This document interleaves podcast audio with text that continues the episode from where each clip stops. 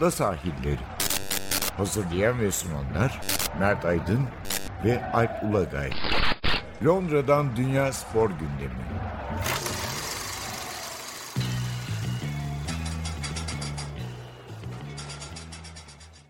Ada sahillerinden merhabalar. Ben Alp Ulagay.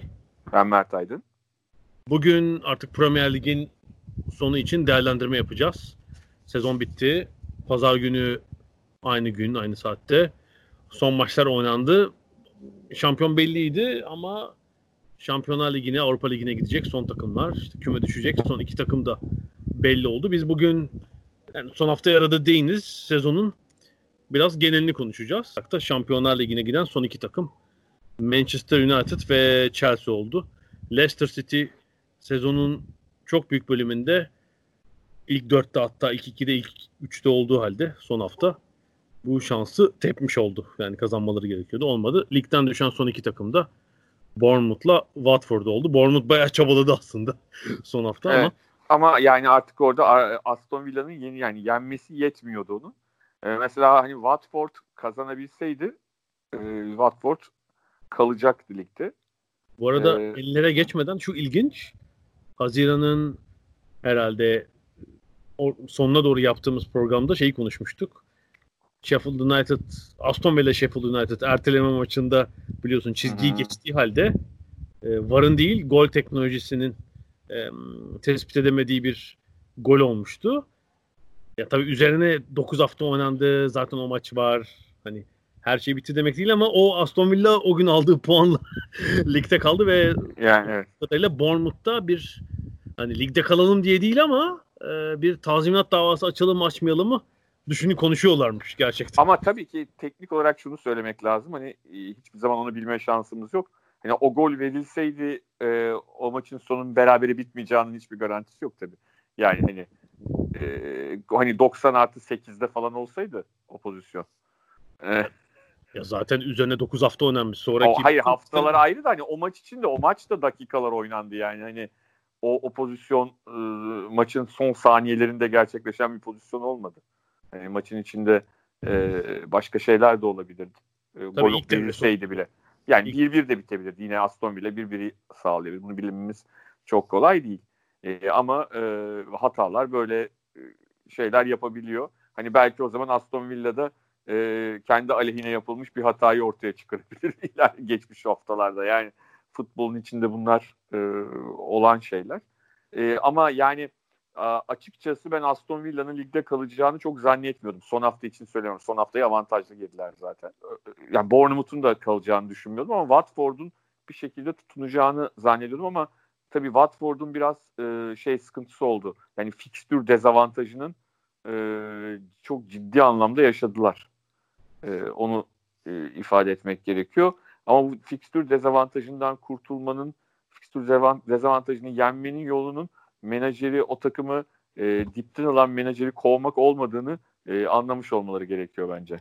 Yok takıma son bir heyecan vermek istedik biz buyurun. yani çünkü açıkçası hani tamam fikstür kötü ama hani Arsenal deplasmanı e, o kötü fikstürün en e, belki e, döndürülebilir maçı olabilirdi. Yani çünkü Arsenal artık o anlamda o maça çok fazla odaklanamayabileceğini çünkü FA Cup finali var e, Arsenal'in oynayacağı e, ve de hani kırılganlığını düşünerek e, o maçta Pearson yönetiminde sağlam ve e, morali yerinde bir e, Watford'un ki burada da 3-0'dan maçı 3-2'ye getirdiler. Maçta yani maçı kazanabileceğini e, kazanabilmesi mümkün olabilirdi en azından öyle düşünüyorum ben. Tabii bilmek zor ama Hayır şu da o yani evet yani hani dediğim gibi sonuçta dipten alıp takımı oraya getiren hocaydı Pearson.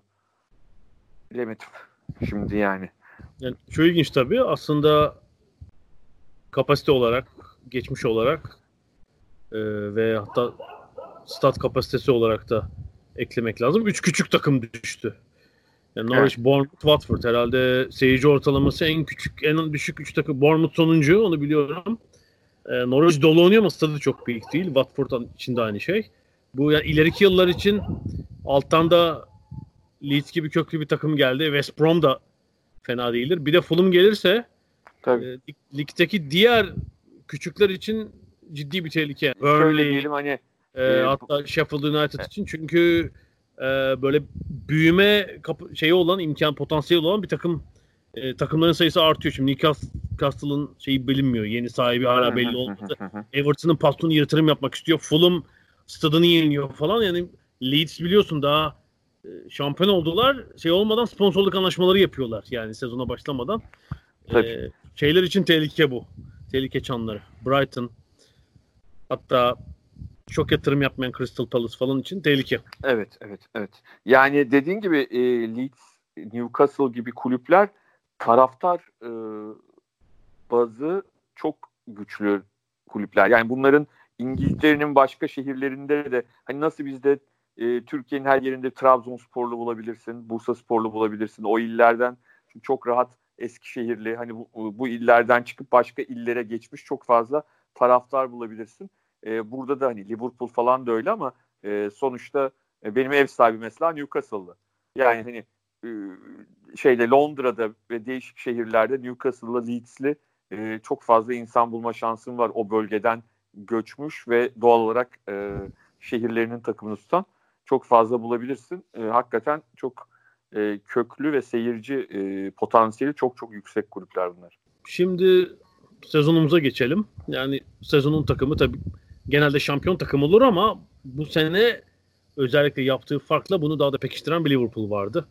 Ee, yani Aralık ayında daha önce de konuştuk. Herhalde yani yılbaşı civarı bu işin rengi aşağı yukarı belli olmuştu. Yani Liverpool farkı evet. açıyordu. Galiba Aralık başında, Aralık ortasında 15 puan fark. E, Şubat'ta falan 22'ye çıkmıştı bu fark.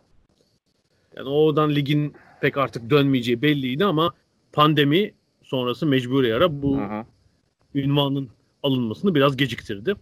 E, şampiyonluk garantilendikten sonra da bir parça konsantrasyon kaybı oldu. Yani kutlama falan derken Liverpool sonlarda Doğru. e, alışmadığımız puanlar kaybetti. Buna rağmen 99 puandalar. Tabii yani geçen sene hatırlıyorsun müthiş rekabeti. Bir takım 98 öbürü 97 idi. Bu seneki Liverpool 99 puanda. Onun da üstünde. Evet. Ama şeyi geçemedi. Önceki sene 100 puan almıştı. 100 puan evet. Yani Manchester City. Gelinen seviye çok acayip. Zaten City'nin puanına bakıyorum. 38 maçta 81 puan. Aslında biraz çekişmenin olduğu birlikte şampiyonluk puanı olması lazım. İkinin üstünde ortalama. Ama 18 puan gerideler bu sezon için. Ki yani Gerçi... şunu da söyleyelim. E, pandemi ve sonrasında da bu şampiyonluk şansları zaten çok düşük olmasına rağmen hani maçlarında e, çok konsantre oynadılar. Odaklanmış olarak oynadılar. Yani Manchester City e, eğer sadece ben Şampiyonlar Ligi'ne konsantre olayım nasılsa şampiyon olamam e, deyip serseydi çok daha düşük bir puanla da ligi bitirebilirdi. Ama öyle yapmadılar. Yani e, olabildiğince hatta son maçlarda dörder beşer tane ata ata arka arkaya e, 100 gol barajını da açtılar. Yani e, orada da hani o takımı bir şekilde Guardiola'nın o disiplinden koparmamış olması da ayrı bir takdir edilmesi gereken bir nokta. Ama tabii ki hani e, kendi beklenti e, kulübün bek, beklentilerinden, taraftarının beklentilerinin, e, medyanın, kamuoyunun beklentilerinin üstüne çıkan takımlar da vardı. Yani onları da yılın takımları arasında sokmamız lazım herhalde değil mi? Sheffield United'ı, hatta Sheffield. E, Leicester City'yi. Yani sonunda ligin sonunda son birkaç ayında yaşananlar personel e, yetersizliğinden kaynaklanan. Yani ellerindeki üst düzey e, aynı şey Sheffield'ın da başına geldi. Sheffield United'ın da. E, şimdi e, Leicester'da, Sheffield United'da e, o üst seviyelerde Şampiyonlar Ligi kovalamak, Avrupa kovalamak konusunda e, ellerindeki üst düzey oyuncu sayısı yüksek değil. E, küçük formsuzluklar ve sakatlıklarla e, çok kolay yoldan çıkabiliyorlar ki en sonunda öyle oldu. Yani e, Leicester City'nin şampiyonluğu kaybetme, Şampiyonlar Ligi'ni kaybetmesinde yani son maça çıkıyorsunuz en önemli maça ve en önemli rakibinizle kendi sahanızda oynuyorsunuz. Tamam seyirci yok ama ideal 11'den 4 oyuncu yok. Yani savunma yok yani. Savunma sağ bek yok. E, sol bek yok. Stoperlerden biri yok. Ve orta sahada hücuma yönelik e, en önemli oyuncularınızdan biri yok. Yani e, en kritik maça çıkarken. Ve de bunların yerine oynayanlardan mesela Wes Morgan hani Çağlar'ın yerine oynayan Wes Morgan e, açıkça söylemek gerekirse biz seninle de konuştuk. e, yani daha önce de programda da konuştuk. Özel olarak da konuştuk. Hakikaten yani e, halı saha için bile ağır olabilir yani. e, bir e, e, arkadan dengesiz gelip yaptığı penaltı var ki maçın dönüm noktası oldu zaten. E, sonra bir de en sonda kaçırdığı voley var yani. O cüsseli onu vurması zaten pek mümkün değildi. Yani çok ağırlaşmış. Yani şöyle, şeydi. şöyle bir şey de var hani sezon içinde de alternatif üretmek önemli. Yani e, Çağlar ve Evans üzerine çok fazla e, yük bindiği gerçek. E, onun dışında işte Chilwell sakatlandı. E, Ricardo sakatlandı. Ricardo Pereira sakatlandı. En son Madison falan. Yani e, Leicester'ı biraz o yaktı. Öyle söyleyelim. Yoksa e, hani Manchester United'ın o son iki ayda özellikle Bruno Fernandes geldikten sonra ve artı pandemi sonrasında da Pogba'nın eklenmesi ve Greenwood'un form grafiğini arttırması e, tabii ki United'ın için çok takdir edilmesi gereken bir nokta ama hani Leicester'ın düşüşü en az e, Manchester'ın yükselişi kadar etkili oldu Şampiyonlar Ligi sıralamasında. Evet, ben de Sheffield United'a değineyim. Yani sezon başı ben açıkçası iyi incelememişim yani alt ligden çıkanları. Benim küme düşme adaylarım daha önce de söylemiştim. Norwich, Sheffield United ve Newcastle'dı. Ee, bunlardan sadece biri düştü. Newcastle istatistikleri ters olarak yani bir sürü istatistikli lig sonuncusu ama büyük bir direnç sergilediler. Orta sıraları rahat bitirdiler ama Sheffield United sezon boyu genelde ilk 6-7'ye yakındı.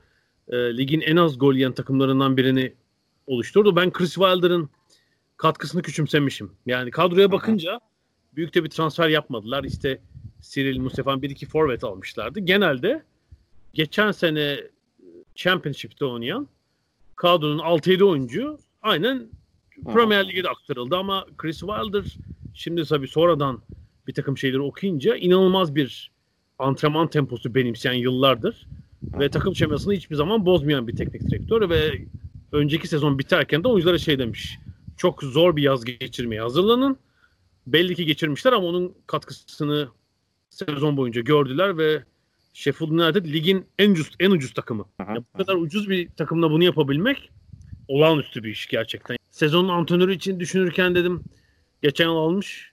Hani yine Chris Wilder mı acaba diye. Sonra dedim yok Klopp'ta 99 puanlık Klopp'ta. Evet ama şunu söyleyelim ikinci Hı-hı. oldu Chris Wilder. Yani dün sıralamayı açıkladı. Ee, kupanın o ödülün adını adını veren Alex Ferguson. Ee, hatta Bielsa üçüncü oldu. Ee, ki Bielsa Championship'te de yılın menajeri seçildi. Bielsa üçüncü, e, Chris Wilder ikinci ve Jurgen Klopp birinci. Yani orada da kendi meslektaşları İngiltere Futbol Ligi'nde menajerlik yapan meslektaşları e, Chris Wilder'a yine hakkını vermişler. Alacak ben de bir oyu tereddüt ettim yani kendi listemi yaparken ama dedim yok yani e, Jurgen Klopp'un performansını sadece bu sezonda ya yani iki sezondur çok Ve acayip. Ferguson'ın altını çizdiği bir nokta var. Hı? 30 yıldır şampiyonluk bekleyen bir kulübü şampiyon yaptı. Bu da bence önemli bir şey. Evet. Yani değeri bu şampiyonluğun değeri her şampiyonluğun değeri çok büyüktür. Ama bazı şampiyonlukların değeri e, ben de George Orwell gibi oldum daha büyüktür. benimki tabii o kadar feci bir durum değil oradaki kitaptaki gibi ama yani şöyle bir şey var ne derler? Yani 30 yıldır şampiyon olamayan Premier Lig tarihinde hiç şampiyonluğu olmayan e, ne kadar büyük bir kulüp olursa olsun ne kadar büyük bir e, taraftar grubuna hitap ediyor olursa olsun bence çok çok önemli bir şampiyonluk. O, o şeyi de kırmaları açısından uğursuzluğu mu diyelim e, kırmaları açısından da çok çok değerli ve de yapış şekilleri çok özel. Ee, Burnley ve Newcastle United'ın da bence beklentilerin üzerinde yine performans evet. sergilediğini söylemek lazım. Burnley çok Doğru. kısıtlı bir kadroyla yani Leicester falan da değil. Bu pandemi tabii, sonrası tabii. döneminde bir iki maça şeysiz çıktılar yani. E, as oyuncu yedek olmadan gençleri yedek kulübesine oturarak ve 54 puanla İşte Arsenal'ın sadece 2 puan gerisinde 10'uncular bence çok. Tabii şimdi Tabii aslında işte. biraz Sheffield'da Burnley'nin yolundan gitmek durumunda. Ee, çünkü hani Burnley 5 yıldır mı? 5-6 yıldır ligden düşmüyor. Ee, bir şekilde işte arada Avrupa'ya da gitti. Ee, o yolu biraz benimsemek zorundalar. Ee, mümkün olduğunca çok çok büyük harcamalar yapmadan e, kendi yağlarıyla kavrulmak ama işte dedim, demin konuştuğumuz gibi başında programın Leeds'in e, ve Newcastle'ın olası e, yatırım e, yüksek yatırımları gerçekleşirse e, bu tip takımlar için iş daha zorlaşacak. Bir de tabii bekleni veremeyenler var. Bence Evet. bir en büyük ayak kırıklığı Kuzey Londra takımları. Yani bunu söylemek lazım. Tottenham ve Evet. Arsenal. Arsenal'da böyle bir kademeli yıllardır devam eden bir iniş vardı zaten. Bu sezon katmerlendi o. Doğru. Hoca değişikliğiyle Evet. sekizinci. İki, ikisi de hoca değiştirdi zaten. Yani ikisi Kasım de ayında hoca değiştirdi. Evet. hoca Yani şöyle değiştirdi. ikisinin de şöyle bir durum var. Eğer Arsenal kupayı alırsa e, Arsenal için büyük bir teselli olacak. Yani böyle bir sezonu e, bu kadar vahim başlayan ki sen çoğu maçı e, iç sahadaki maçı da izledin. Hani sezon başından e, itibaren nasıl e, moral olarak çöktüklerini, nasıl e, sıkıntılar yaşadıklarını onlar için gerçekten çok acayip bir sezon sonu olacak e, o kupayı alırlarsa. E, Tottenham açısından da Avrupa kupaları seviyesinde en azından sezonu bitirmiş olmak bir teselli oldu. Öyle söyleyelim. E, çünkü hani sezonun belli bir bölümünde e, hani ne diyelim o ilk onun altındaydılar. Evet, ya Mourinho geldiğinde 14. takım. Evet. 11. Evet, o, o, o- e, onlar onun teselli oldu. Yani hani normalde biz Mourinho'yu biliriz. Öyle Avrupa kupalarına katıldılar diye e, zıplayıp oynayan bir adam değildir ama son maçtan sonra bayağı hani neredeyse halay çekeceklerdi yani. E, şeyle birlikte, yardımcılarıyla birlikte e, halay çek e, o, o durumdaydılar ki yani hep söylüyorum e, Mourinho bu gibi konularda genelde daha böyle kibirlidir. E, şampiyonluk, mampiyonluk olmazsa bu kadar sevinmez. Ama onu bile sevindirdi e, gelinen nokta. Arsenal'in ve Tottenham'ın yapacağı yatırımlar, e, alacakları oyuncular, kuracakları kadrolar, seçecekleri oyun biçimi e, gelecek sene ligin kaderini etkileyecek. Çünkü eğer e, Liverpool artı Manchester takımları artı Kuzey Londra takımları artı Chelsea bunların iyi olacağı birlikte puanlar öyle 90'larda falan olmaz ama çok daha kıran kırana ve çok daha e, birbirine yakın bir lig izleyebiliriz. Evet. Alt sıralarda da bence şey yaratan. Tabii Chelsea'den de bence evet. Chelsea'den de hayal kırıklığı- fayda var. hayal Evet. kırıklığı yaratan iki takım var. Evet. Ee, West Ham United'la Aston Villa. Yani harcamaları Evet. ve e, oyuncu Evet. kapasitelerini düşününce West Ham United yıllardır kötü yönetilen, kötü Hı hı. transferler yapan bir kulüp. Yani isim isim yazılınca bir sürü iyi oyuncu var ama çok zor tutunuyorlar. David Ya, Moyes en sonunda bir Mike- şekilde Michael tutmayı Antonio kurtardı ya. Şaka gibi yani. evet evet. İşte santrfor bulamıyorlar. 30 yaşındaki Mikael Antonio e, son 7-8 haftanın en iyi oyuncularından biriydi ama mesela Lanzini, Felipe Anderson gibi çok iyi oyuncu var. iki oyuncu. İşte son herhalde 10 haftayı falan yedek kulübesinde geçirdiler. Yarmolenko devreye girdi falan. Evet. Kötü yönetiliyor. Aston Villa ise dönüşten sonra ilk sezonuydu tabii. Geçen yaz harcamaları büyüktü. Evet. Bence onlar da harcamanın karşılığını alamadılar ve kıl payı ligde kaldılar. Yani A- Aston Villa için bu şöyle bir şey var. Hani Aston Villa hani klasik şey Türk muhabbeti gibi olacak ama hani çok gerçekten İngiliz futbol için çok önemli bir camia Aston Villa. Önemli bir kulüp. Ee, ilerleyen yıllarda gelecek sene e, hani bu sene o son haftada kümede kalmanın e, onları e, ivmelendirebileceğini düşünüyorum. Eğer çok saçma sapan bir şeyler yapmazlarsa. Evet, bir de antrenörlerini korumaları da önemli. Yani orada bir Evet. böyle bir sabırsızlık belirtisi oldu bir 2-3 hafta kala. Dean Smith'i Evet. korudular. Evet Ligde evet. de kaldılar yani. Dean Smith ve John Terry ikilisi. Hani Evet. ilerleyen zamanda Dean Smith gönderirlerse John Terry gelebilir. Ee, yani bir şekilde evet e, kalmaları önemliydi. Bir şekilde kaldılar o ligde. Ee, zor Peki. oldu. Evet. Ee, West Ham konusunda da orada da tabii şimdi hani David Moyes 2-3 sene önce de kurtarmıştı takımı ama anlaşmamışlardı onunla. Ee, şimdi hani David Moyes'la ben ta- devam edebileceklerini düşünüyorum. Hmm. Bir senede anlaşması var. Bir buçuk senelik imzalamıştı. Evet yoksa. evet. Ondan sonra yani evet yani David Moyes bir karikatüre dönüştü özellikle Manchester United e, kariyeri nedeniyle diyelim. Ondan sonra. E, ama yani o tip takımlar için bence çok uygun bir hoca. Yani hani Everton'da yaptıklarını da hatırlıyoruz. Yani şimdi West Ham'dan şu anda kimse Şampiyonlar Ligi'ne gitmesini falan beklemiyor. E, bir öncelikle orta sıralarda e, tutunacak birkaç sene belki 2-3 sene sonra belki daha büyük şeyleri düşünebilecek bir takım olabilir onun diye iki. Onun iki oralara bir demir atmalı ki West Ham.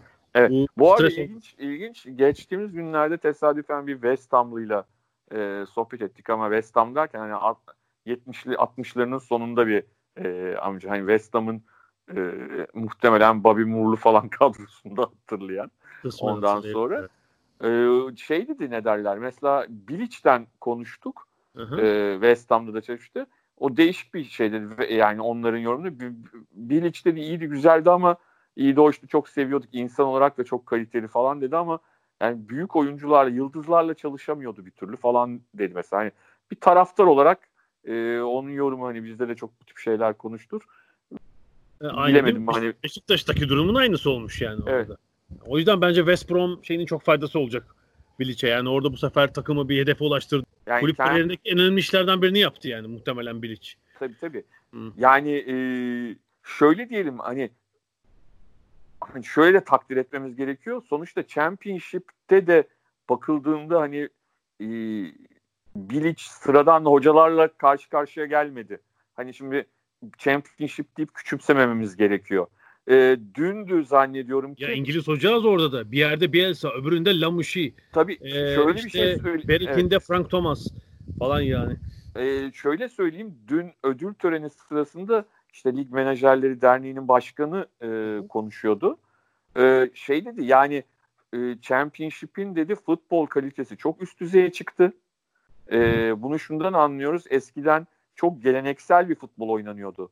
E, Premier şeyde Championship'te Premier Lig'in aksine. Ama e, bu sene e, sayılar verdi. Şimdi e, o anda not alamadım konuşurken.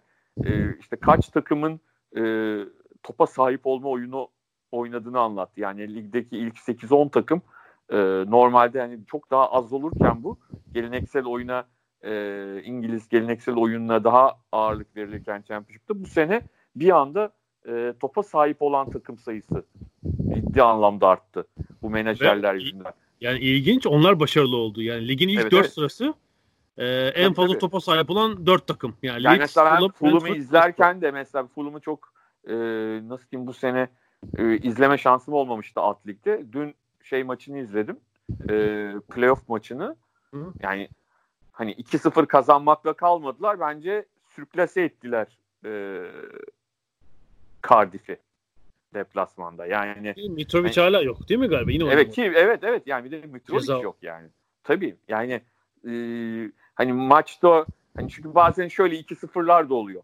Rakip oynuyor oynuyor. Siz iki kontratak yapıyorsunuz. E, 2-0 kazanıyorsunuz. Yani bence çok hak ederek e, bir 2-0 ve e, takımın başında da şey var. Scott Parker var. E, sonuçta hani çok zeki bir orta saha oyuncusuydu. Yani e, Scott Parker Fulham'ın hocası e, şunu görüyorum aslında e, zeki yani zeki bir futbolcu Scott Parker ama onun dışında hani Lampard'da da onu görmeye başladık.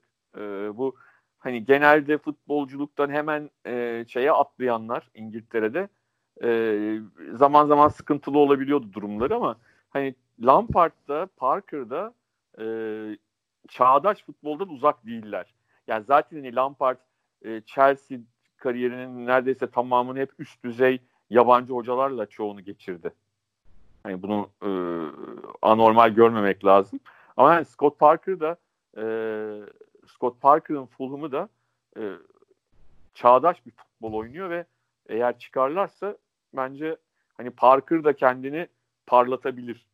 Öyle söyleyeyim. Bir de şunu söyleyeyim hani eski çok da yakın arkadaşıydı takım arkadaşı Emre Belözoğlu ile ikisi de hiç yaşlanmayacaklar zannediyorum ki yani. Yani Scott Parker da şu anda o tiple ve e, belli ki kendine de bakıyor. Hani sahaya sürsen oynar gibi geldi bana. 23 yaşındaki Scott Parker. Falan diye. Neredeyse oynar yani. Hani e, Emre'nin de son hafta e, rakibinin sağından atıp solundan geçtiğini gördükten sonra e, enteresan yani. Bu arada demin söylemiştik. Fulham'ın stadyumu bu sene yenileniyordu. Craven Cottage stadyumu. Riverside tribünü yani Hı-hı. Thames nehrine bakan ana tribün yenilendi. Sanıyorum bir 7-8 bin kapasite artacak. Hı-hı. İşte e, localar falan artacak. Ekstra gelire sahip olacak. Zaten yani yatırım yapmaktan çekinmeyen bir kulüp sahibi var. E, farklı bir eğer çıkmayı başarırlarsa farklı bir Fulham'da görebiliriz. Evet bakalım ilginç olacak çünkü e, Swansea e, Brentford eşleşmesi de 1-0 bitti Swansea'nin lehine. E, bakalım onun rövanşı ne olacak. Yani e, Brentford e, kendi elleriyle belki West Brom'a geri vermişti West Brom'un hediyesini. Bunun üstüne finale de kalamayabilir yani. Swansea çünkü savunması sağlam bir takım. 1-0'ın altından seyircisiz kalkmak çok kolay değil.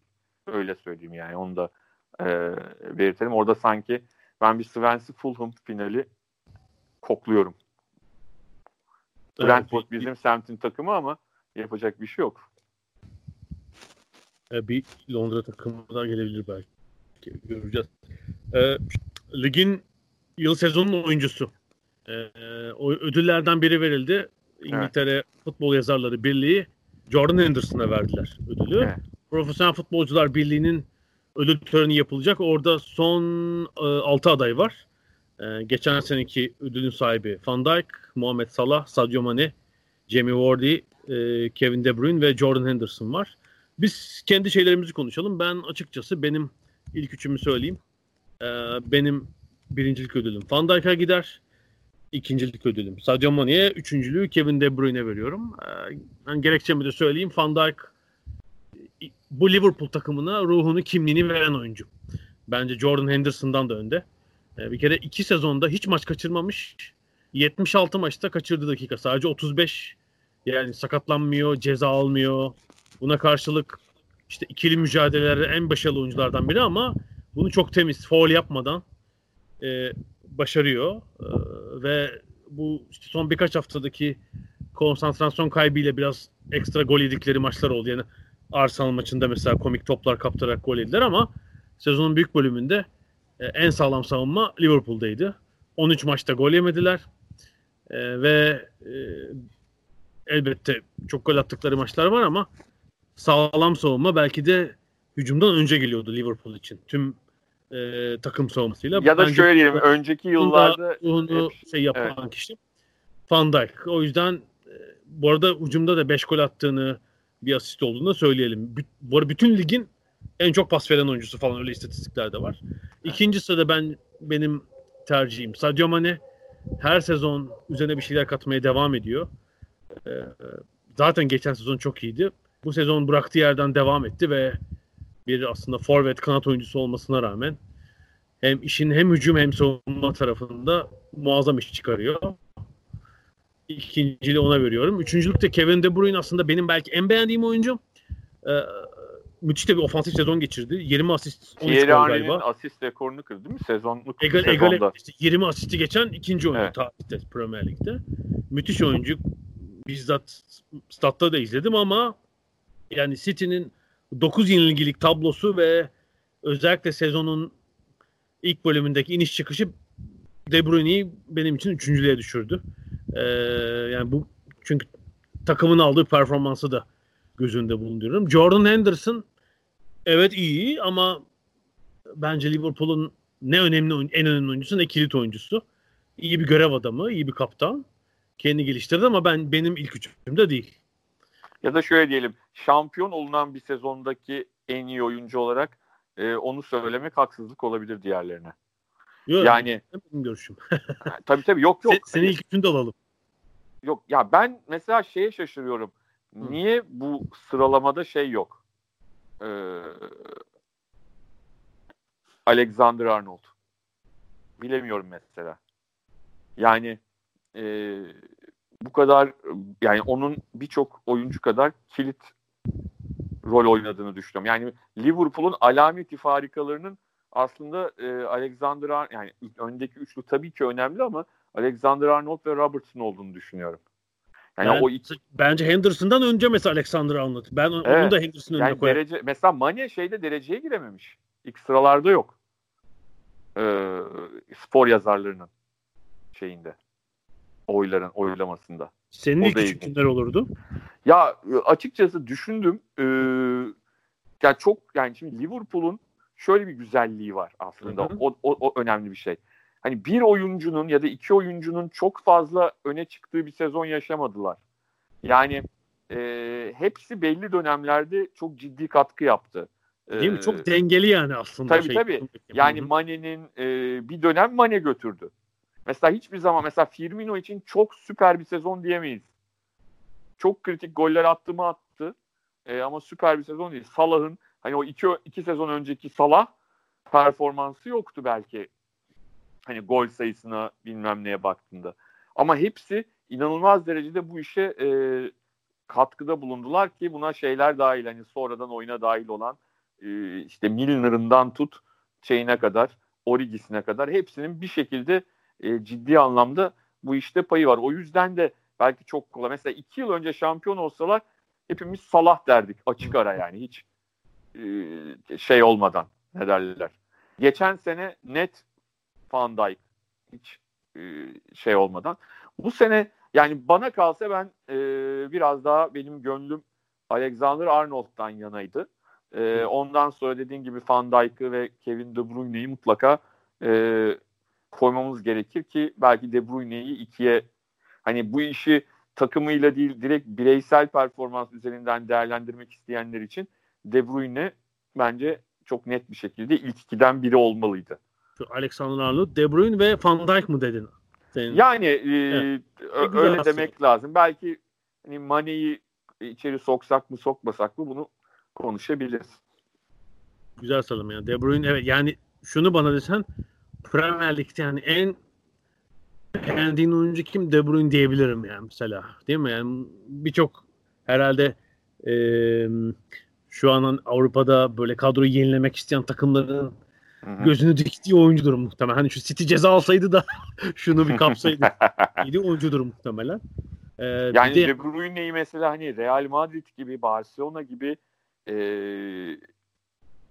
takımlarda düşündüğünde hani hangisinde düşünsen gayet uyuyor yani. Hani hiçbirinde ya De Bruyne de orada oynamaz diyemezsin adamın. Zaten hani çok iyi pasör, muazzam görünüş. Evet. Ya bir de şey yaptım her sezon o da gelişiyor. Bu Hazelbank'te de vardı böyle gerilmeden inanılmaz şut çekme. Hatırlarsın evet. Hazelbank öyle evet, evet. gerilmez ama korkunç gider şut yani. Nasıl bir kalçadır güçtür o. İki tane bu hafta da attı böyle. Evet, Fazla evet. gerilmiyor çünkü böyle öyle bir şey de yok. Feci gidiyor top. Acayip goller attı gerçekten. Bu sezon öyle. Ama hani bir de e, mansiyon ödülü dersen mesela Dennings mansiyon ödülü için iyi bir aday olabilir.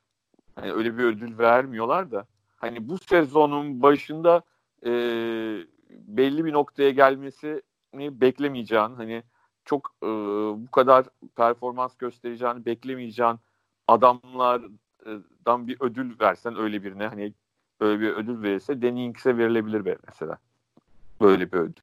E, yani ya, e, ben bak onu unutmuşum Dennings'i niye atlamışım. Bir iki kişi var. Biri Adama Traore bence. Bir de Dennings. Tabii herhalde. tabii. Adama Traore'de. Adama Traore hakikaten e, adam gibi adam. yani geçen sene hatırlıyorsun konuştuk da bunu. Yani evet. bir önceki sezon çok geride kaldı böyle. Sanki 3 yıl olmuş gibi ama 2018-2019 sezonu Boxing Day'de Fulham Wolverhampton maçını izlemiştik evet, sen. Evet, evet. Ya böyle dağınık, topu ezen, Türkiye'de de bazen öyle olur. Böyle bir An- Anadolu kulüplerinde olur. Böyle ileride top bekleyen, aldı topu ezen böyle bir kanat oyuncu. Öyle Hı-hı. bir adam Traore vardı yani. Raul Jimenez çabalıyor bu böyle topu eziyor. Ha, ama e, zaten az ilk 11'de oynamış bir önceki sezon. 8-9 maç galiba. Halbuki yazdan sonra bir geldi Traore zaten e, e, üst vücut bir himene dönmüş. Ama onun dışında topu verimli kullanmayı öğrenmiş. Bambaşka bir oyuncu geldi yani. Sezon. Doğru. Ve e, işte e, adam geçmede ya da başarılı çalımda ligin birincisi. Maç başında 5 kez başarılı. Zaten Jimenez'le müthiş bir e, ortaklık yani kurdular. E, yazar kasa gibi yani. Evet. İkisinin Daha önce Traore'nin galiba 7 asisti var. Raul Jimenez'in de galiba ona 3 ya da 4 yani. Zaten 10 gol şeyden çıkmış. Doğrudan paslaşmalarından. Evet evet. On- onların. Peki. Hmm, istiyorsan bir ara verelim. Aradan Tamam. sonra diğer şeylere devam ederiz. Hani Tamam. yılın maçı, golü vesaire, yılın genci yükseleni oralara bakarız.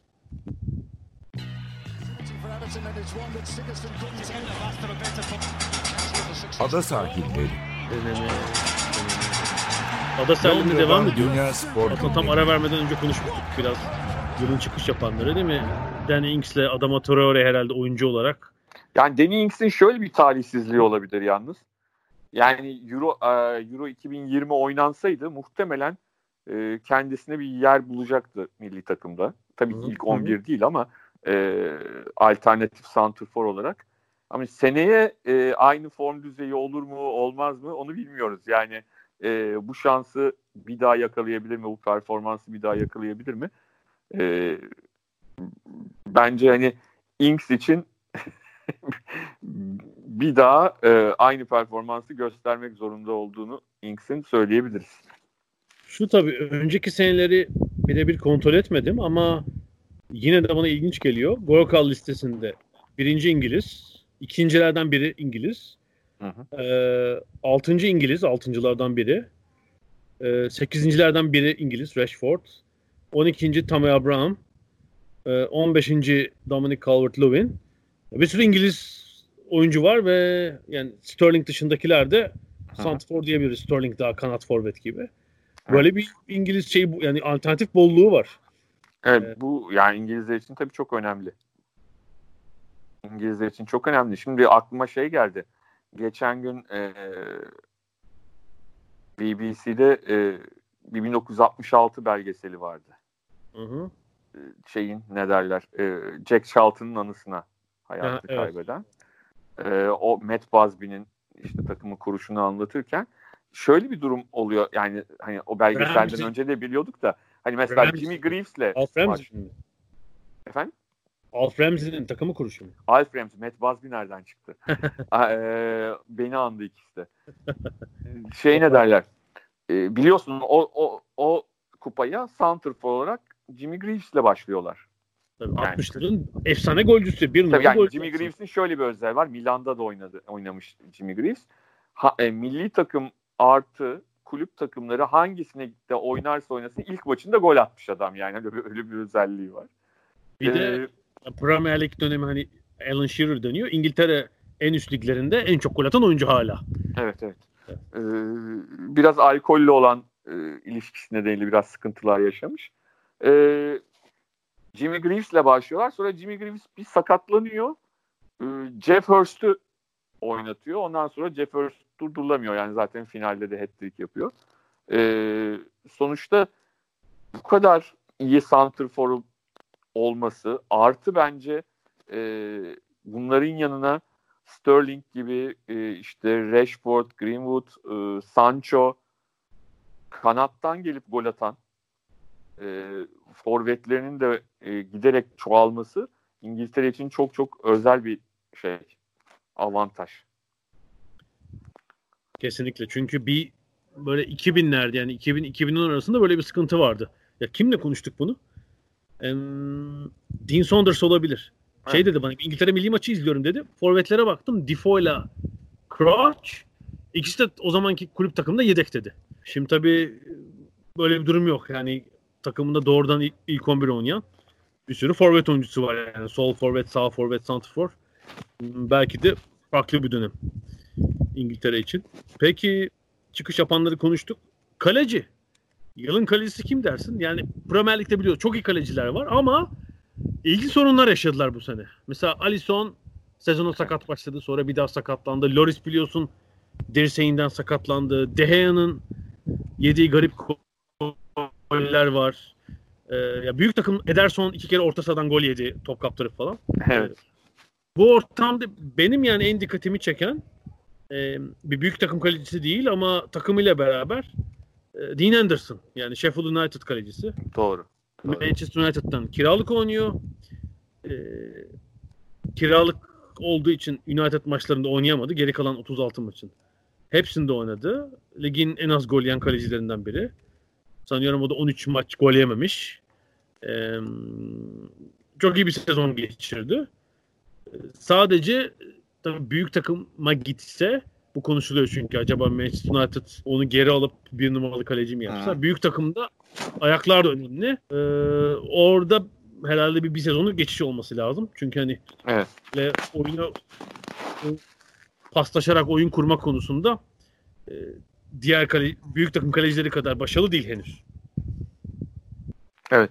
Yani o tabii sonuçta hani savunmayı ön plana çıkaran bir takımda oynuyor. Ee, yani bu bazen avantajlı olabiliyor kaleciler için. Yani iyi kaleciler için. Özellikle e, top kurtarma birinci e, ya da şut çelme birinci e, özelliği olan kaleciler için. Tabii ki her kaleci için önemlidir topu çıkarmak, şut çekmek ama bazılarında e, işte oyunu arkadan kurmak, e, hava toplarına hakimiyet gibi ekstra bazı özellikler biraz daha ön plana çıkabiliyor. Ama kalesine maç içinde 8-9 tane kaleyi bulan şut gelen takımlarda daha defans oynayan takımlarda kaleciler e, o özelliğini hani şut top çıkarma özelliğini daha net e, bize gösteriyor işte. Yani mesela senin top falan hani e, çok öyle kaleci var İngiltere Nick- Ligi'nde. Tabii Nick Pope da çok iyiydi bu arada Burnley'de Evet. yani. On- 15 maç gol yememiş. Henderson'a yakın bir performansı var Nick Pope'un da söylemek lazım. Tabii ama işte bu kaleciler e, hani e, Dünya Kupası'nda da Avrupa Şampiyonası'nda e, favori olarak İngiltere'nin çıkacağı bir maçta az top gelebilecek bir maçta aynı e, konsantrasyonu gösterebilecekler mi? Dediğin gibi e, hücuma oynayan, hücum oynayan bir takımda e, arkadan oyun kurulmasına ne kadar yardımcı olabilecekler? Yani bunların hepsi bir şekilde e, düşünülmesi gereken şeyler. Yani milli takım e, seviyesi başka bir seviye. Ya da Doğru. büyük takım Yine- seviyesi. Yine bilmiyorum Jordan Pickford bir yıl içinde formasını koruyabilecek mi ama e, bir takım yeni sürpriz isimleri iki Olabilir ama yani- görebiliriz. Mutlaka ama hani Gareth Southgate'in şu anda hani o Dünya Kupası'nda elde edilen e, o iyi havayı, atmosferi e, korumak isteyeceğini düşünüyorum. Yani Pickford'un çok acayip kötü bir sezon geçirmezse önümüzdeki sezon çok böyle e, inanılmaz hatalar yapan e, yaptığı bir sezon geçirmezse kaleyi başkasına vereceğini zannetmiyorum Southgate'in. Çok Yani özel şu- durumlar hariç. Şu olur ancak gerçekten Ole Gunnar- Solskjaer bir ciddi değişiklik yapıp ben Henderson'ı alıyorum. Bu Aha, sene aha. rekabete sokacağım Dehe ile deyip bir de Henderson bir numarayı kaparsa Ha, bence Pick, Pickford'dan da formayı kapar. İşte Şampiyonlar Ligi'nde inanılmaz top oynar, e, ligde çok iyi oynar. E, tabii o zaman kapabilir ama onun dışında hani çok özel performanslar olmazsa ve tekrar söyleyeyim Pickford'da korkunç bir e, form düşüklüğü yaşanmazsa Pickford'un değişeceğini çok fazla zannetmiyorum açıkçası. Evet. E, yılın gençlerine bir göz attım ben. Yani genç deyince iyice gençlere baktım tabii. Yani 21 yaş falan da değil. 20 yaş altına baktım. E, orada tabii bir isim çok öne çıkmış. Yani y- 20 yaşta 20 yaşındakileri de almayınca e, herhalde Mason Greenwood Tabii. e, teenagerlarda, ergenlerde diyelim. Sezonun oyuncusu. Hele bu son Yani sekiz- şöyle diyelim aslında 8-9 pan- haftada müthişti. pa- pandemi sonrası için bir yılın futbolcusu seçimi yapsak e, Mason Greenwood ilk üçte mutlaka olmak zorunda. Mikael Antonio, Mason Greenwood tabii tabii. Bunların yani. olmak lazım, olması lazım yani. çok Ee, net. Mesela onu ilk 11'e tabii çok genç 18 yaşında olduğu için Manchester United'ın da müthiş bir böyle bir geleneği var. Biliyorsun bunu konuşmuştuk işte 1936'dan beri maç kadrosunda mutlaka genç takımdan yetişme bir oyuncu var falan böyle bir Evet. manyak bir Yani böyle bir e, e, yönetmelik ya da federasyonun böyle bir zorlaması yok. Sonuçta e, ve de bu oyuncular bir şekilde hani orada olmayı kaldırabilen ve e, performans gösterebilen oyuncular. He, yani şeye bayılıyorum. Şimdi Manchester United'ın parası mı yok Allah aşkına? Oraya alacak. Basar alır parasını yani. Her zaman Evet. vardı. Her zaman büyük kulüpte ama o oraya onu koyuyor. Ee, şeye işte sol beki koydukları sarışın çocuğun ismi neydi? İsmini unuttum. Ee, ben de kaldım öyle öyle sorunca. Evet evet. Shaw sakatlandıktan sonra da oynadı. Şey, yani mutlaka hmm, Rashford zaten şeyden Brandon Williams. Brandon ha, Williams. Evet. Brandon evet. Williams. Rashford genç takımdan yetişme. Brandon Williams öyle. Greenwood öyle. Yani çekinmeden tak diye koyuyorlar. Oynatıyorlar ve yükselen United'ın parçası işte şeyde Mason Greenwood'da sadece 12 maç ilk 11 çıkmış ama 10 golü var. Bir Hı-hı. asisti var. Yani yaşıtlarından çok önde. Ee, şimdi Jadon Sancho şeyi vardı mesela söylentisi. Ama Greenwood bu seviyedeyken mesela bir yeni kanat forvet alır mısın, almaz mısın? Bilemiyorum gerçekten. Belki de gelecek sezon Hı-hı. 35 maçta oynatacak onu yani. Bu potansiyeli görüp. Ama tabii sadece ona güvenmek de e, yani sonuçta Şampiyonlar Ligi'nde düşünürsek e, mutlaka hani orayı kuvvetlendirmek isteyeceklerdir sadece bir oyuncuya e, bakmadan. Ama herhalde gençler arasında şeyleri de sayabiliriz değil mi? E, hani büyük takım performansı ya da Mason Mount'u mesela. Ben ee, 20 yaş altı baktığım için saymadım. Tabii tabii genel olarak söylüyorum. Ya tabii 20 ki... yaş altı oynayan e, Arsenal'da Bukayo Saka ile Gabriel Martinelli evet. var ama 21-22 alırsak tabii o zaman şey genişler. E, tabii, ee, yani e, Mason Mount'u söylememiz lazım, şeyi söylememiz lazım. E, Phil Foden'ı ki yani hani Manchester City çok fazla hani e, yabancı oyuncuların ve de çok üst düzey yabancı oyuncuların oynadığı bir takım. E, ve de Manchester City hani United'dan farklı olarak çok fazla işte Arap sermayesi e, şey bir takım ne derler hani tırnak içinde parayla buraya gelmiş bir takım izlenimi veren e, görüntüsünü veren bir takımda. E, Guardiola iki sezondur ısrarla e, Phil Foden'ı e, şeye aldı. Yani geçen yıl daha sınırlıydı. Bu sezon tamamen o meşhur e, rotasyonun içine aldı. Çünkü Manchester City'nin e, ilk başta sayısal olarak şok ediyor, şok ediyor ama a, baktığında hiçbir şekilde şok etmeyen bir rotasyonu var. Zaman zaman 5 oyuncu, zaman zaman 8 oyuncunun bir maç sonra değiştiğini ama ne oynanan oyunun ne de e, oyuncu kalitesinin değişmediğini görüyorsunuz. Savunmayı hariç tutuyorum tabii bunda. Savunmanın ortasını. E, yani Phil Foden o ekibin içine girdi. Bence bu çok önemli bir şey. Öyle bir takımda e, bunun içine girmiş olması ben çok değerli buluyorum. Çünkü e, hani İngiliz futbolunun geçmiş yıllarda yaşadığı en büyük sıkıntı bence e, geleneksel İngiliz teknik adamların İngiliz futbolcuları e, geliştirme konusunda uluslararası seviyeye getirme konusunda çok geride kalmasıydı. Yani hani Britanyalı, İngiliz değil ama Britanyalı olarak kesinlikle Alex Ferguson'ı mutlaka ayırıyorum bundan da. E, yani İngiliz futbolcuların gelişiminin uluslararası futbola adaptasyonunun e, yaşattığı, yarattığı sıkıntı milli takımın performansına çok net bir şekilde yansıyordu. Ama son dönemde işte bu çok e, üst düzey ve hani dünyanın sayılı hocalarının Premier Lig'de çalışması bu oyuncuların gelişimini de e, fena halde etkiledi. Yani İngiliz futbolcular yeteneksiz miydi de e, bunlar kötü oyunu ya da e, çağ dışı kalıyorlardı. Hayır değil yani bunda e, Phil Foden, Mason Mount çok net bize gösteriyor. Ve e, işte Tottenham'daki oyuncular e, çok net bir şekilde gösteriyor. Ben Phil Foden'ın e, çok değerli bir ki Phil Foden şimdi işte kanat forvet oynuyor, geri, e, o arkada oynuyor, e, ortada oynuyor. Her yerde onu bir şekilde değerlendiriyor hoca ve e, yani sonuçta Phil Foden'ın yanında oynadığı adamlar zaten bir okul gibi. Hani Guardiola'nın kendisi okul ama zaten hani Phil Foden hani David Silva ile oynuyor, Sterling ile oynuyor, e, Mahrez ile oynuyor. E, böyle olduğu zaman Agüero ile oynuyor, Jesus'la oynuyor e, oyuncunun o anlamda da gelişimi çok çok benim bir şüphem var telefonuna dair. Şimdi City'nin oyun stratejisini pek değişeceğini zannetmiyorum seni ya. Evet. Yani ileri, ileri üçlü de oynayamaz. Orada başka tür oyuncular var. Yani oynayabileceği tek yer e, orta üçlünün sol yani de, bir daha sert bir tane orta saha oyuncusu oluyor 6 numara gibi. De Bruyne ile birlikte diğer iki yani aslında David Silva'nın yerine oynaması lazım. Ee, ama şimdi David Silva değil Phil Foden. Yani bence Tabii. hiçbir zaman olmaz da. Ee, Yok olmaz. Yani orada De Bruyne'nin yanında Phil Foden mi oynayacak? Ee, onu göze alacaklar, oynatacaklar mı orada?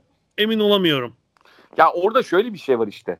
Yani Guardiola'nın ve Manchester City'nin de o e, geniş kadrosunun özelliği zaten her maç e, orada oynatmaya ihtiyacı da yok.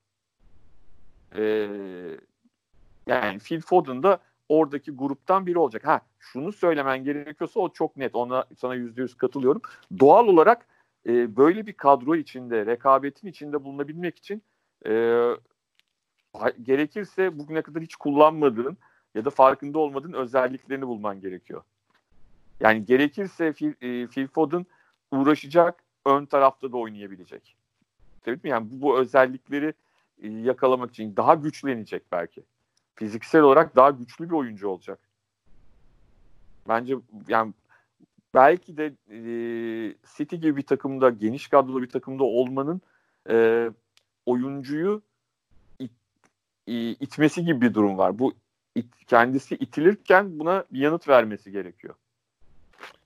Göreceğiz. Ee... Yani işte tabii göreceğiz. Yani karakterle de ilgili e, saha içinde ne yapmak istediğiyle de ilgili kolaya da kaçabilir gidip atıyorum orta seviyede bir takımın büyük yıldızı haline de gelmek isteyebilir gidip. Ben mesela hani... onu görüyorum daha çok Phil Foden. İyi bir oyuncu ama City'nin alıştıra geldiğimiz yetenek havuzundakilerden aşağıda gibi geliyor bana. Yani ben benim Phil Foden'da gördüğüm gelecek şu. Everton'ın belki en iyi oyuncusu olacak ama City böyle devam ederse bence orada tutunamayacak gibi geliyor bana. İşte o biraz kendisine de bağlı dediğim gibi. Yani e, gerekirse mesela öyle oyuncular hep gördük ya işte daha işin sanatsal kısmı ile ilgileniyor görüyorsun. Sonra bir yerden sonra adam hani tutunabilmek için farklı bir şeye bürünüyor. Uğraşıyor, kas yapıyor, e, kendini geliştiriyor, gücünü arttırıyor. Bir anda e, zaten tekniği şey ne derler 6 numara oluyor. Orta sahada defan yani Phil Foden gibi oyuncuların böyle kadrolarda bir takım kendilerine ekstra e, özellikler eklemeleri gerekiyor. Bunu yapıp yapamayacağını yani Phil Foden'la kişisel olarak tanışmadığım için bir şey diyemem. E, kafasında ne var, ne düşünüyor, ne yapmak istiyor. Bunu hep beraber göreceğiz. Yani bu e, sınırı 22 yaş alırsak zaten Alexander Arnold 21 yaşında mesela. Christian Pulisic var 21 yaşında. Ee, zaman zaman sakatlık sorunu yaşadı ama son haftaları o da çok iyi geçirdi. Ee, bence gelecek sezon mutlaka Chelsea ilk 11'inde olması gerektiğini Tabii şimdi orada aslında Lampard'ın da aslında başında şöyle bir tatlı bela var. Şimdi bu sene genç oyuncuları oynattı. Ee, Chelsea'nin zaman zaman çok çok iyi maçlarını izledik. Yani çok iyi futbol oynadığı maçları izledik. Ee, ve şu durumda ya mesela maçtan son maçtan sonra kuzeni onunla röportaj yaptı. Jamie Redknapp. Jamie Redknapp. Hı hı. Evet. Ee, ona şey dedi yani lig dördüncülüğü dedi normal şartlarda Chelsea için dedi. Hatta biraz Sergen Yalçın'a benzettim. O da Beşiktaş için söylemişti ya üçüncülük e, normal. Yani Chelsea için de dördüncü olmak büyük bir sevinç ya da başarı değildir ama bizim dedi işte bu transfer yasağı e, genç oyuncular yeni bir yapılanma için e, hiç de fena bir sezon geçirmedik. Yani sonuçta dedi üstteki Liverpool'la e, e, hani Manchester City'nin seviyeleri çok acayip bir nokta dedi. Çok inanılmaz bir nokta dedi. Hani biz orada değiliz ama Şampiyonlar Ligi sıralamasıyla bitirmek şu an için başarı. Şimdi seneye e, yeni transferlerle birlikte e, beklentilerin de Chelsea için art, artacağını düşünüyorum. Yani şeyin Abramovich şöyle düşünmüyordur. Ha ne güzel dördüncü olduk e, gençlerle. E, seneye yeni bir dördüncülük iyidir. Böyle düşündüğünü zannetmiyorum. Ya şöyle diyeyim. E, gelecek sezon Christmas dönemine dördüncü girerse Lampard'ı kovar Abramovich. Öyle işte. Onu anlatmaya çalışıyorum. Yani e, tatlı bela dediğim kısım şu. Şu anda bu sezon herkes çok takdir etti. Çünkü hani ikimiz de hatırlarsan konuşuyorduk ve şüphelerimiz vardı. Lampard'ın e, nasıl bir teknik adam olacağına dair doğal olarak. Her yani Championship ayrı ama e, şeyde ne derler e, Premier Lig'de e, genç bir kadroyla ne yapabileceği e, fena da bir iş yapmadı bence. Zaman zaman kötü maçlar oldu, e, umutsuzluk e, yaşadılar. Hatırlasana sezon başında iyi oynadı dediğimiz maçlarda yeniliyorlardı yani. Fark yiyorlardı büyük tabii, takımlara. Tabii 4-0 yenilerek başladılar sezona yani. Tabii tabii. Ama tabii. şimdi geldiğimiz noktada e, belki de FA Cup'ı da alacaklar. Hani Arsenal'le oynayacakları finalde onu da göreceğiz. E, seneye aslında yeni bir meydan okuma Lampard için ve daha zor bir meydan okuma olacak şeyden dolayı. Yani bu seneden dolayı bir beklenti var seneye. Ha bir de, de işte Werner o gelecek, o gelecek, bu gelecek. Bu takım daha da iyi olacak. Alternatifli kadrosuyla, şu suyla, bu suyla.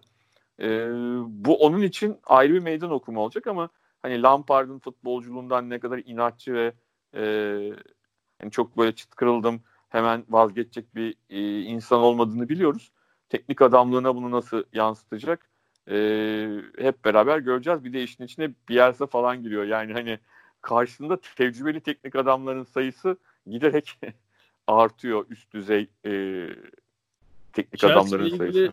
Benim gördüğüm sorun şu bu sene bir sürü genç oyuncu oynattılar kendi yetiştirdikleri ama bu transferlerden sonra benim gördüğüm onların hiçbiri seni oynayamayacak. Yani bu transferler oynarsa hepsi yedek kalacak. Mason hmm. Mount bile yedek kalabilir. Yani e, Havertz'e, o doğru, Havertz'e gelirse Havertz, evet. Werner, Ziyech, e, Pulisic ısındı. Yani ben söyleyeyim şimdi Hudson Oda'yı, Tammy Abraham, Loftus-Cheek, e, Tomori, belki Mason. Bunların hepsi yedek kalacak seneye. Veya, işte orada yani onu bunların bazı ayarlaması lazım. Yani bazı, e, şimdi bazı oyuncular artık yapacak bir şey yok. Onlar e, oynamak istiyorlarsa kiraya gidecekler bir ikisi. E, çünkü gerçekten o karambolda sıra gelmiyor. Bence orada benim bence kritik isim hmm. kim biliyor musun? Chelsea hmm. yapılanmasında Willian. E, kalmayacak herhalde. İşte onu diyorum. Yani e, mesela şu anda takıma bakıyorsun. Aslında takımın en iyi oyuncusu Willian. Yani sezon içi performansıyla evet. saha içinde. Sadece iki aylık sözleşme uzattılar biliyorsun. Evet Şeyi evet. Bitiyor. Yok yok ben de gideceğini düşünüyorum. Ama yani mesela bilmiyorum. E, o an, ana mesele şu her şey aslında bence ne onda ne bunda abi. Hakim, Hakim Ziyek'in performansında bitecek gibi geliyor. Yani Hakim Ziyek e, ağırlığını koyarsa Chelsea üst kademeye çıkacak. Yoksa e, sıkıntılar yaşayabilirler. Öyle geliyor bana. Yani biraz onun üzerinde çok fazla dönecek gibi geliyor. Sezonun maçı desem ne dersin? Ben şöyle baktım böyle acayip bir maç aklamaya gelmedi. Yani böyle sezonu özetleyen bir maç geldi. Ee, çok çok acayip bir maç değildi ama ligin ilk bölümündeki ilk yarısı diyelim. Liverpool Manchester City maçı 3-1 e, biten. Yani aslında e, sezonu özetleyen maç. Biraz onlar Liverpool oldu. Evet tabii istediği ki. oyunu kendi oynamak istediği oyunu oynadı o gün. Ve yani işte sert pres, topu biraz City'ye bırakıp e, 3-1 kazandı. Net bir galibiyet aldılar ve e, iyice momentumu, ivmeyi ellerine aldılar o maçtan sonra. Onu Tabii söyleyeyim. yani o, o dönemlerde zaten e, Liverpool durdurulabilseydi belki e, farklı bir durum olabilirdi. Yani e, City'de üst üste puanlar kaybedip o maçı da kaybettikten sonra yavaş yavaş zaten puan farkı açılmaya başladı. Ama aslında hani sezonu e, sezonun özellikle alt tarafı e, belirleyici maç daha doğrusu maç sonrası milat maçı herhalde Southampton 0 Leicester City 9 maçı değil mi? Yani o maçtan sonraki Southampton'ın o maçtan sonraki performansı e, hakikaten e, belki de alt tarafın haritasını çizdi. Yani çünkü o gün bakıldığında sadece ligdeki kaçıncı olduğundan önem şey olarak e, bağımsız olarak Southampton'ın öyle bir maçtan sonra e, hayata dönebilmiş olması gerçekten hani Hazenüttl'ın çok büyük bir başarısı yani başka. Çünkü ya zaten tamam. şu olur. Bir sezon 8 gol 8 9 gol yiyen takım varsa yani şunu düşün. Yani zaten öyle zayıf ki. Hani küme düşer dersin değil mi yani? Tabii zaten bir de sondaydılar yani. Zaten sonuncuydular. Daha da böyle bir e, dibe gittiler. E, ve de hani şey, Hazenüttl'ın şey lafı çok övülüyor ama hani bence o çok klasik bir laf. Hani maçtan sonra e, hani hata bende e, taraftarların hepsinden özür diliyoruz. Bunu düzelteceğiz. Bu kısmı çok e, anormal değil aslında. Yani çok Türkiye'de de çok bas, e, duyduğumuz cümlelerden biri ama bunu e, şeye çevirdi. Yani bu, bu sözleri aksiyona çevirdi diyelim. Hani bu lafta kalmadı. Tabii ki Southampton'ın e, kulübünün onu yerinde tutmuş olması e, belki Watford'un başında olsa böyle bir şey yaşasa kovulurdu. Yani Southampton kulübünün ona güvenmiş olması, oyuncu grubunun ona e, inancını kaybetmemesi bence bu da çok önemli. E, oralardan dönüşü sağladı. Ve de evet. hani ligin son bölümünü rahat geçirdiler. Yani şöyle olmadı. E, mesela Watford da ciddi bir dönüş yaptı. Ama Watford hani düştü de düşmeseydi bile kıl payı kalacak ligde. Ama Southampton öyle yapmadı yani. Southampton öyle bir yaptı ki ilk 7-8 hafta yaşam e, daha iyi gitmiş olsaydı belki Avrupa kupalarını zorlayacak bir form durumu yakaladı. Tabii 52 puanda da bitirdiler ya. Küme düşme hattının 18 puan üzerindeler yani. Tabii tabii. Ee, yani şöyle düşün. Avrupa'ya işte belki 7. Avrupa'ya gidecek. Yani Avrupa kupalarının 7 puan gerisinde. Pek uzak değiller ve pandemi sonrası da en çok puan toplayan 3. takım. Evet. Southampton 18 puanla. Yani bu son dönemi de şeyle oynamadılar. Gayet konsantre, motive öyle oynadılar. Son evet, evet. E, 8-9 haftayı.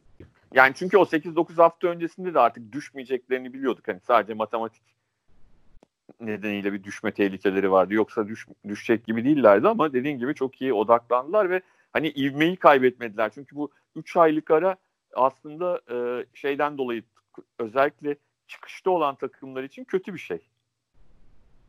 E, hani o ivmeyi devam ettirebilmek onu da başarmış olmaları bence e, önemli ve hani yine şunu söyleyeyim hani ben çok buna inandığım için o konuda konuş söyle, e, bunu söylüyorum bazıları sıkılabilir ama hani doğru dürüst top oynayarak bunu yaptılar. Hani şey de yapabilirlerdi yani. E, def, tamamen defans oynayıp değil hakikaten e, güzel ataklar yaparak, güzel kontralar yaparak göze hoş gelen e, bir oyun oynayarak bir yere vardılar. Bu yani bence o, önemli ortadaki grupta en eğlenceli takım denebilir. Yani ben şimdi bakıyorum Burnley, Everton, Crystal Palace, Newcastle United değil mi? Yani en şey takım Southampton. Gözü e tabii ama o, o takımların hepsinin menajerlerine bak.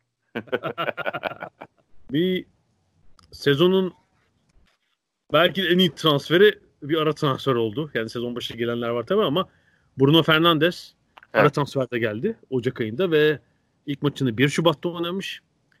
Oradan sonra birden United'ın da iğmesi değişti. Ya hatta 14 maç oynamamış, az maç oynamış çünkü galiba 14'lik maç oynamış. E, bu kadar az maç oynamamış olsa e, sezonun karmasında da olurdu yani. Sadece az evet. maç oynadığı için bence oraya giremiyor ama verim açısından ligin en iyilerinden biri hatta mutlaka. E, opta verilerine göre eğer şeyi kale almazsanız oynayan maç sayısını De Bruyne'nin ardından lig ikincisi galiba ya ikinci ya üçüncü. Aha. E, Bruno Fernandes ve onun gelmesiyle başka bir United gördük. Yani aradıkları eksik parça oymuş. %100. Ya pandemi sonrasında da Pogba ile Greenwood eklendi ona. Ee, Tabii evet. Yani 14. kendisi ama ve de kendi performansı düşmedi bu arada pandemiden sonra.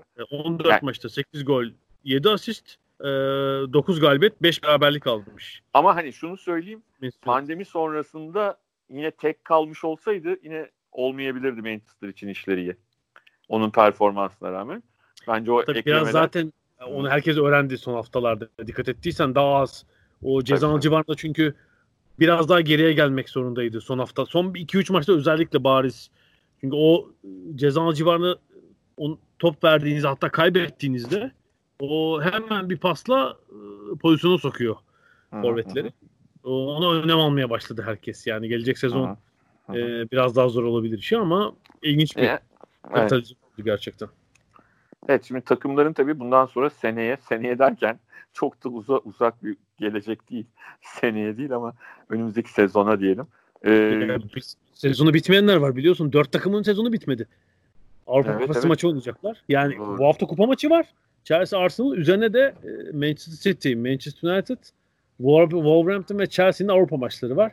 Chelsea bence hiç umudu olmadığı için herhalde onu biraz e, çok sıkmayacaktır kendini ama diğerleri kupaların favorileri yani diğer üç takım. Ee, nasıl şeyleri gidecek bilmiyorum. Yani Wolverhampton biliyorsun 25 Temmuz 2019'da açmış sezonu. yani bir yılı geçtik. Ama Üzer... tabii yani e, şeyi unutmamak lazım. Arada bir 3 ay oynamadılar hiç. Tabii tabii. Aslında evet. en çok da Wolverhampton'a yaramış olabilir diyecektim. Hani performans olarak değil ama hani e, en çok yorulan takımdılar ya çok sezonu erken açtılar. O 3 aylık arada evet. biraz dinlenmiş olabilirler. Bir de daha kadroyla oynuyorlar. Ee, her oyuncu genç değil. 58 maç oynamışlar. 58 resmi maç. İşte evet. Olympiakos'ta rövanş maçları var. Sonra çeyrek final, yarı final, final. 4 maç daha olabilir yani. 62'ye kadar yolu var. Tabii tabii. Bu işin. Ee, işte bir sürü 50 maçın üzerinde oyuncu var yani. 45'in üzerine bak işte. Ee, Moutinho'sundan Neves'ine, Traore'sine. Ee, dediğin gibi ara bir parça soluklanmasını sağlamış olabilir e, Watford'un. Peki son şey yapalım. Gelecek sezona dair bir kısa bir öngörü yapıp bırakalım. Ee, ben Liverpool'un yine buralarda olacağını düşünüyorum. Yani 99 puan. Olmayabilir. Çok büyük sürpriz olur. Tabii tabii 99 olmayabilir puan ama olmasın zaten. Dediğim, şu anlamda olmasın. Yani hiçbir takım 99 puan almasın. Tabii dediğimiz gibi zaten her oyuncu oyuncuların kadronun genel yaşı iyi. Yaş ortalaması herkesten verim alıyorlar. Belki işte Van Dijk'in yanına bir e, bir transfer yani savunmaya bir transfer. Yedeklerin bazıları da gidiyor gördüğünüz Lovren gibi. gitti. Lovren, evet. Adam Lalana gitti.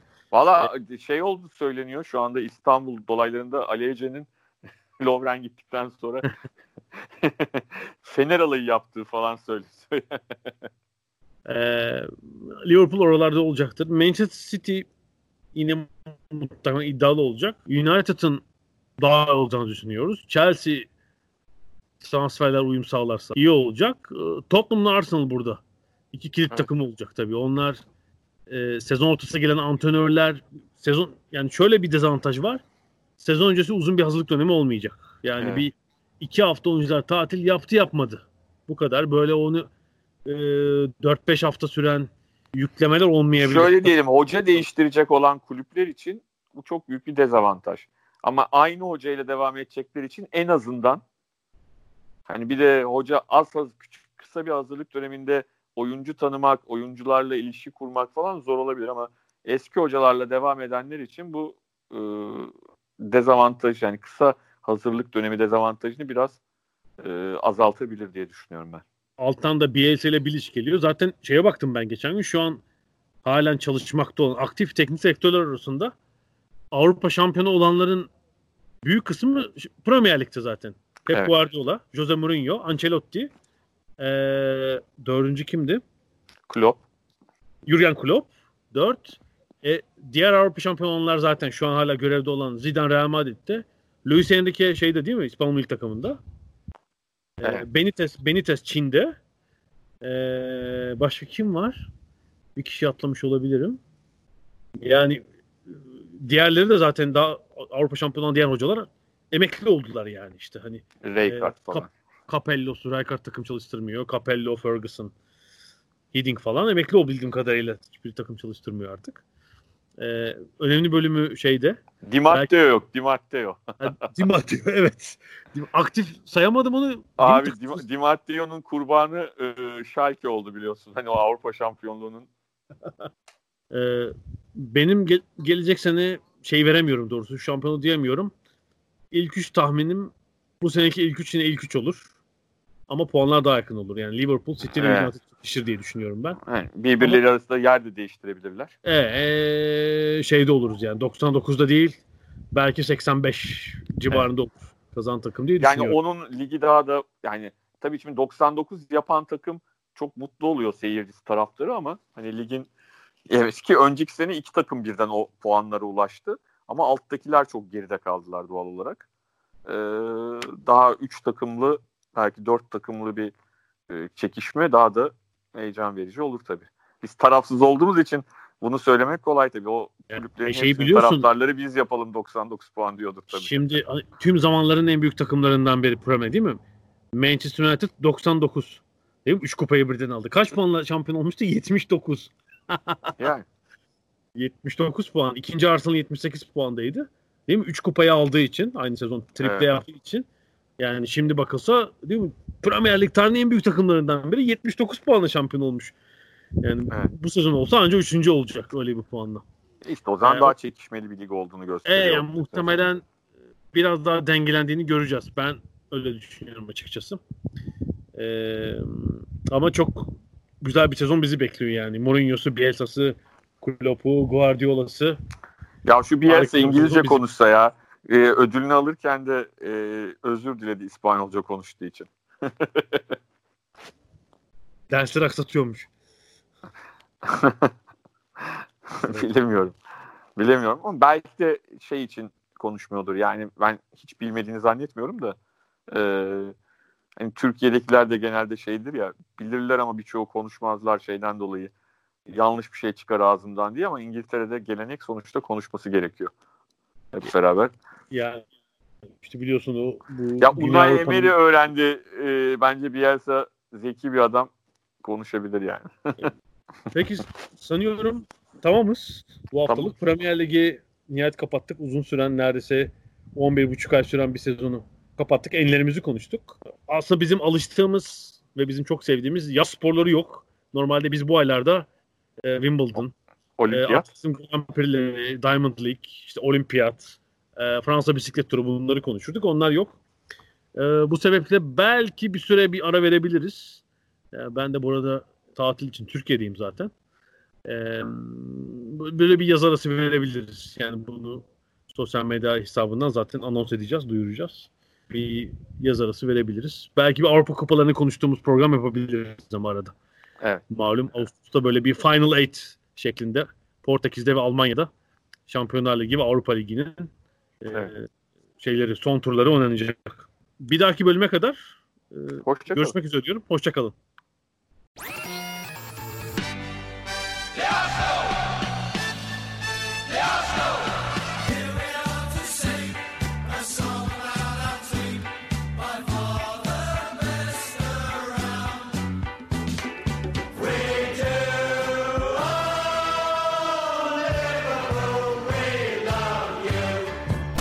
Ada sahilleri. Hazırlayan ve sunanlar Mert Aydın ve Alp Ulagay. Londra'dan Dünya Spor Gündemi.